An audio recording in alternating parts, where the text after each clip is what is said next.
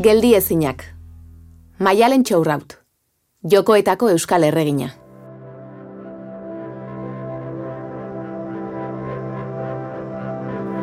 Podcast hau entzuten ari zaren bitartean, 6 mila umeia joko dira munduan zehar. Irureun bai jaiotzen omen dira minuturo. 6 mila aur, bakoitza bere berezitasunarekin. 6 mila bai, asko dira. Baina horietako gutxik izango dute urrezko domina dun ama. Londresen nik hogeita behatzi urten euskan, ja. Ba, hogeita behatzi urten euskan eta nik ama izateko goga ere banuela. Eta ze gertatzen da, piraguista izaten ere jarraitu nahi nula. Enitzan inoiz alako maila altuan egon, 2000 eta amabian bezala, egon ere bizitzako forma oberenean, gogatzen naiz Londresetik bueltatu ginean, ba, eske, urrengo egunetan igitzen nintzen piraguan, nek alako forma bat neukan, alako navegazio bat neukan, baina ama izan nahi nun ere eta brontzezko domina horrekin ere pixka eta aprobetsatuaz, ba, baneukan ez, e, bizkar gainean, ba, ziklo olimpiko oso bat emaitza honak lortu nitunak, e, bi domina munduko txapelketetan, 2000 behatzi, 2000 maika, eta Londreseko jokoetan brontzezkoa, eta esan nun, baita, esan genuen aurrera, ea lortzen genuen, ba, ni aurdun geratzea, ba, 2000 eta amabi hortan bertan, riora junai genulako, eta lehen bailen aurra izan, ba, rio prestatzeko denbora gehiago. Eta ba, sortea eukin nun, ez?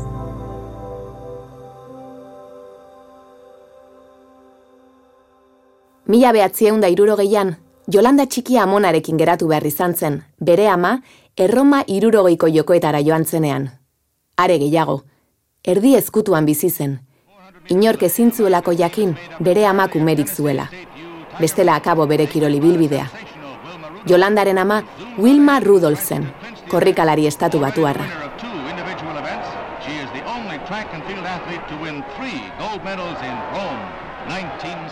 Emilik bost hilabete besterik ez zituen bere ama Japoniara joan zenean Tokio 2000 eta hogeiko jokoetara lehiatzera. Bera ingalaterran geratu zen. Emiliren ama Naomi Folkart arkulari britainarra da. Hanek txiki txikia zenean ezagutu zuen goi mailako lehiaketa. Rio 2000 eta maseian, urte zituenean, urrezko domina bat ibili zuen eskuartean. Haneren ama, maialen txaurraut da, eslalomeko piraguista, hiru domina olimpikoren jabea. Segituan aurdun geratu nintzen, 2000 eta mairuko ekainan ane jaio zan, Eta hor buru hauste asko egon zian, ez? Nola egin guztiarekin, nola antolatu, nola puzlea, ez? Osatzeko gai izango ginean. Eta aur bat izan da, neukan maila eukitzeko gai izango nintzen. Ba, bueno, galdera asko airean, baino gogoa hor zegoen zergatik ez, ez? Zergatik gauza bat bestean gatik utzi. Nik bi gauzak egiten jarraitu nahi nun. Egiari zor, Hanek jaio aurretik ezagutu zuen goi mailako piraguismoa. Maialen txaurrautek uretan eman zituelako aurdunaldiko iabeteak.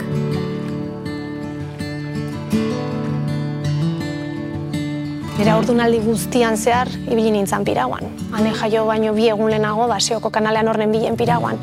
Jendea askori astakeri utxa irutzen zitzaion. Ta gaina batez ere urbizitan ikusteak, baina urbiziak uraren korronteak uraren indarrak lagundu egiten indun ba, medikoak esaten zian, e, nola etzea piragoan ibiliko zure gorputza horretara egina baldin badago, ez? E, zure kirola da, zure gorputza piragoan ibiltzera egina dago, e, ez dago arriskurik, eta bueno, jarraipen guztian, ez? Dena ondo zi joan. Orduan, ikusten zen, gaizki gauzak egiten, ba, ez nintzela ari. E, hori bai, gorputza asko entzuten, eta ba, deskantsuari garrantzia handi ematen, elikadurari, e, ez da intensidade berdina egin una ordunaldian zehar eta ba, ordunaldian egon gabe, baino bederatzi hilabeteetan egunero piragoan ibili nintzen, oinez asko jo nintzen ibiltzea, hasiera batean gimnasioa ere jo nintzen, e, hasiera batean, ba, pentsatzen, ba, piztinara juten hasiko naiz, ez da, zerterako piztinara june, piragoan ondo baldin banien bilen, baina, karo, aurdun gehatzen zeanean, aurdunaldiak eta aurdunaldiak daude. Urarekin kontaktua, sensibilidade hori, ba, geroz eta luzeago mantendu, ba, hobe, e, gure helburua aurdunaldian etzen indartxo egotea. Urarekin sensibilidadea ez galtzea zen. Eta sensibilidade hori ez nun galdu.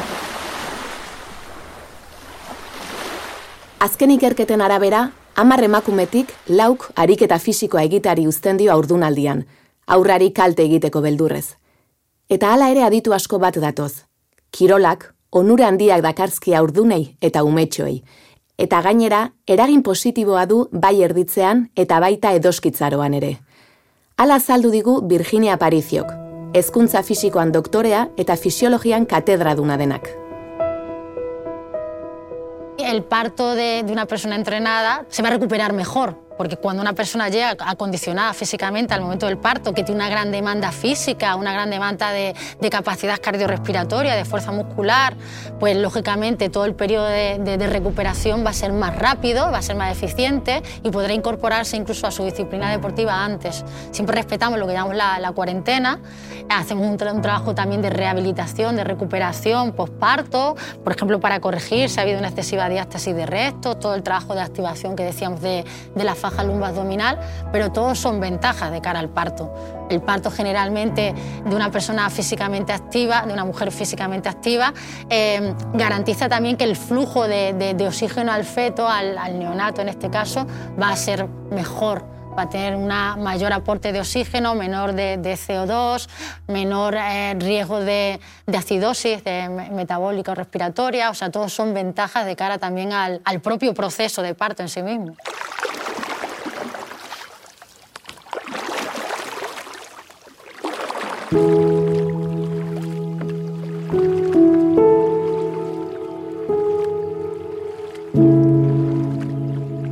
Intensidade berdina egin una ordunaldian zehar eta ba, ordunaldian egon gabe, baino bederatzi hilabeteetan egunero pirogan ibili nintzen, iritzietan eta ba, asko zeuden, ez? Ba, kriston astak egiten ari nintzala, oso berekoia nintzela, e, ez dakit, gauzak buruarekin egin ditun, baino gauza bai ez dit, baina kasuik egin, ez dakit. Norberak badakiz ere egiten duen bere etxian, ez? E, eta gukargi geneukan zeiten eginan, e, jarraipen medikoa geneukan, eta dena oso ondo joan. Bestek esaten dutena eta pentsatzen dutenagatik ba, gauzak egitea zutziko banu, ba, ez dakit, orduan etxezuloan sartuta, ez? Egongo gineak edenak.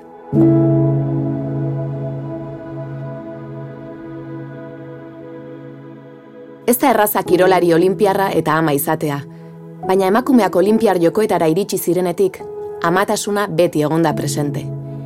Mila eta behatzi Parisko jokoetan, emakumeentzako lehen jokoetan, Meri Abot estatu batuarrak emakumezkoen golfean zazpigarren postua lortu zuen. Urrea Margaret Abotek irabazi zuen, Meriren alabak. Erronka asko daude Joko Olimpikoei begira, e, kirola eta amatasuna den kontziliazio hori, ez? Benetan bete izateko. E, Tokioko Joko Olimpikoetan hor ikusi izan, ona karbonel e, zegoen aur txiki batekin. Kai jaio zela, igerileku zigerileku ibiltzen zen bere amarekin. Ordu asko ematen zituen amak entrenatzen, baina kai gose zen bakoitzean, uretatik atera eta bularra ematen zion. Tokioko jokoak iritsi ziren ordea, eta amaren gandik banantuta egun luzea pasa beharko zituela esan zieten. Horren aurka borrokatzea erabaki zuen kairen amak, ona karbonelek. Londreseko jokoetan zilarra eta brontzea irabazi zituen sinkronizatuko igerilari hoiak. Tokio fue una de las experiencias más bonitas de mi vida y a la vez también muy dura, ¿no? Tokio empezó el día en que di a luz y dije, quiero ir a los Juegos y voy a intentarlo, ¿no? Pero mm, a lo mejor de las adversidades más grandes fue cuando intentamos hablar con el Comité Olímpico Internacional para poder ir con mi hijo, mi hijo a los Juegos y seguir lactando. Luego nos derivaron con Tokio, con los japoneses, porque ellos eran los que decidían y las medidas que nos pusieron fueron prácticamente negarte el poder ir porque era todo muy complicado. Obviamente el que tomó la decisión no sabía de qué iba la lactancia ni la maternidad con bebés tan pequeños. Y ahí sí que empezó mi lucha a lo mejor más férrea, ¿no? A, a, favor de las madres deportistas, las madres lactantes, pero no solo lactantes, o sea, al final cuando tú tienes un bebé de seis meses, ocho, eh, te tienen que poder dejar poder ir con un bebé un mes a una villa olímpica, ¿no? Eh, no fue fácil, ahí justo en Tokio mi hijo hizo su primer año, su primer cumpleaños. Eh, cuando volví, después de estar un mes con el sacaleches por la villa olímpica, por la piscina, lo duro que fue aquello, eh, Kai había perdido el reflejo de succión y tuve que dejar la lactancia después de intentarlo muchísimo y para mí fue como una tristeza, ¿no?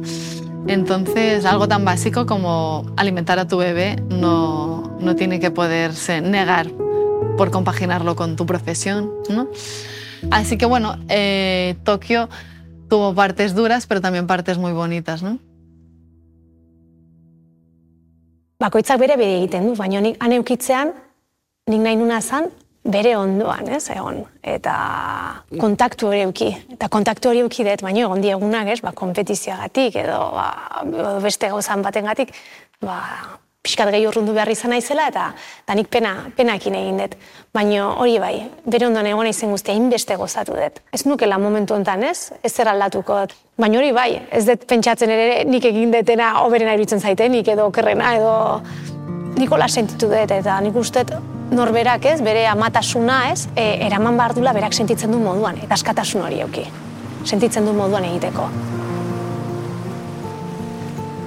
Harrapatuta aurkitzen bazia ezin dezula gehiago, ba, zuretzako denbora bat eman behar dezu. Baina eske nik denbora hori baneukan, egunero entrenatzera nindoan, ane jaio zanetik, eta pira hona biltzera nindoan niri gehien gustatzen zaitena egitera.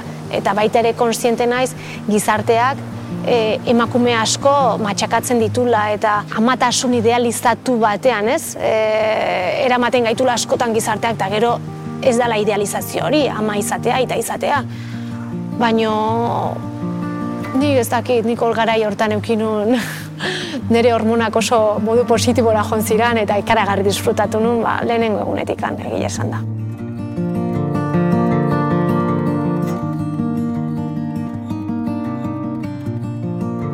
Kirola eta urdunaldiaren inguruan ikusten detena denborarekin jakituria gehiago dola, emakume gehiago direla ama eta kirolari, eta horrek gizartean ere ematen dula, ez, normaltasunari ba, bidea ez, irikitzen ari zaiola. Guruak ere normalizatu egiten dula, ez, ba, kirolaria eta ama izatearen egoera, baina, bueno, e, oraindik gizartean, ez, e, lana egin beharra dago, baina ez kirolean bakarrik. eske guztian, ez? Eta bestalde ere emakume eta gizonezkoen ba, berdintasuneko bidean gaude oraindik ez? Asko falta hortarako.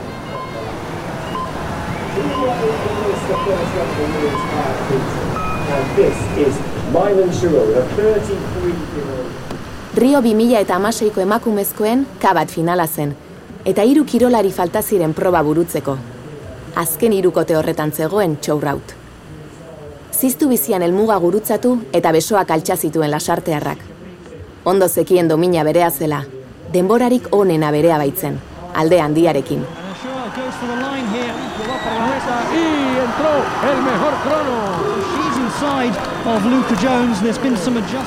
El mejor crono y la mejor which we'll have a look at in a moment but for now what really matters 98 puntos is that Chiro is in the gold medal position. Eunetik jaistea lortu zuen bakarra izan zen. Aurkariek urrean nahi zuten, maialenen marka hori hautsi beharko zuten. Baina inorretzen izan txourraut bezain azkarra. Luka Jones Zeelanda berritarrak eta Jessica Fox Australiarrak osatu zuten podiuma. Para Mayalen Chorraut. Tras esta bajada final perfecta, la piragüista de las artes ha subido a lo más alto del podium en la modalidad K1 de slalom. La vasca se ha hecho al fin con el ansiado metal tras rozar la gloria en Londres 2012.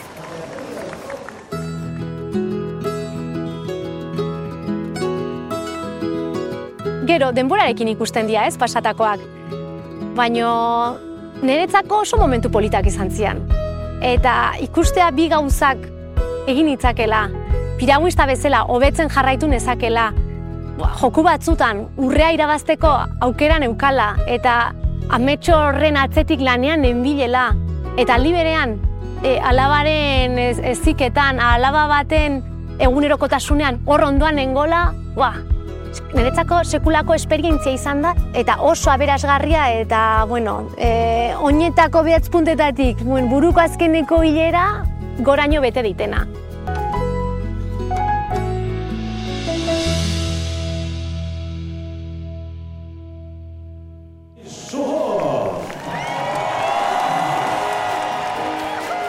Azkenean, zailtasunak aukera izan dira, eta zailtasun bezala hartu beharrean aukera bezala hartu nitun.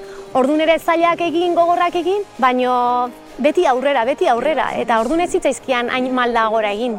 Orain ikusten ditut, ez? Denbora pasata esatea, ua, haze bidea egin genuna, haze bidea. Tokio 2000 eta hogei, mugarria izan zen genero berdintasunaren ikuspegitik. Parte hartzaileen euneko berrogeita bederatzi emakumeak ziren, baina berdintasuna irizpide gehiago kosatzen dute. Oraindik, borroka greko erromatarra gizonentzat bakarrik da. Belan, gizonezkoetan emakumezkoetan baino modalitate bat gehiago dago. Boxeoan, gizonezkoentzako zortzi pixu daude eta emakumezkoentzako bost bakarrik. Futbolean gizonezkoen torneoak amasei selekzio hartzen ditu, eta emakumezkoenak amabi bakarrik. Eta kanoan, emakumeek lehenengo aldiz parte hartu izan zuten Japoniako jokoetan, gizonezkoen debutaren hogeita margarren urte hurrenean. Oainatzea bai datuta esaten dira, karo, guk ez genuen aukerarik izan, ez, eh, kanoistak izateko. Eta hor, e, bai Australiako federakuntzak eta Kanadako federakuntzak eta indarra handia egin zuten, eta kanoa Tokion lehenengo aldiz olimpiko izatea lortu zuten, eta bueno, aurrera pausu ikaragarria handia izan da. Baina begira, noiz, 2000 eta goita bat urtean, Eh? Ordura arte ez ditugu aukera berdinak izan gizon eta emakumeok, ez? Eh, Joko olimpikotara jun eta emaitza bat lortzeko. Gure kirolaz bizitzeko aukerak ez ditugu aukera berdinak eduki. Baina niri pertsonalki beti ere kaiakista sentitu izan naiz eta ez nun sentitu, ez? Emakume izateagatik aukera gutxiago nitunik edo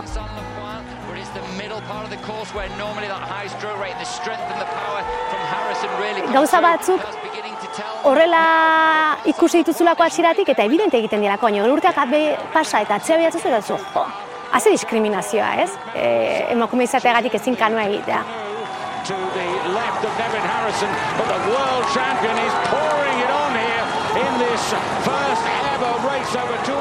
Londresen brontzezko domina, Rion urrezkoa eta Tokion zilarrezkoa. Irukote ederra lortu du maialen txorrautek, Ia ia Xabi Etxaniz, entrenatzaile eta senarrarekin eta ane alabarekin osatzen duena bezain ederra. Ama eta kirolaria izateko apostua egin zuen Maialen Txaurrautek eta urrea balio duten besarkadak jasotzen ditu ordainetan. Antolatu daiteke. Hori bai, kanpokoek antolatzen utzi behar zaituzte eta anei utzi ninduten. Nik uste eta e, kirolean ama izatean erronka hori normalizatzen ari dela. Oraindik e, normalizatzeko falta da, baina ama izan nintzenetik oainea e, legedian, e, beken arautegietan eta aurdunaldiaren ez, puntua agertzen da orain, ezin da kirolari bat ez, e, joko eskanpo utzi aurdun geratzeagatik momentu honetan, lehenago posible zen emakumeak oraindikan hor gabiltza berdintasunagatik, ez? Hor indarrean oraindikan ere ba, burruka hortan sartua gaude. Gure gurasoek eh, asko burrukatu zuten horregatik, e, pausu handiak emantzian aurrera, baino oraindikan ez ga berdintasun hortara iritsi.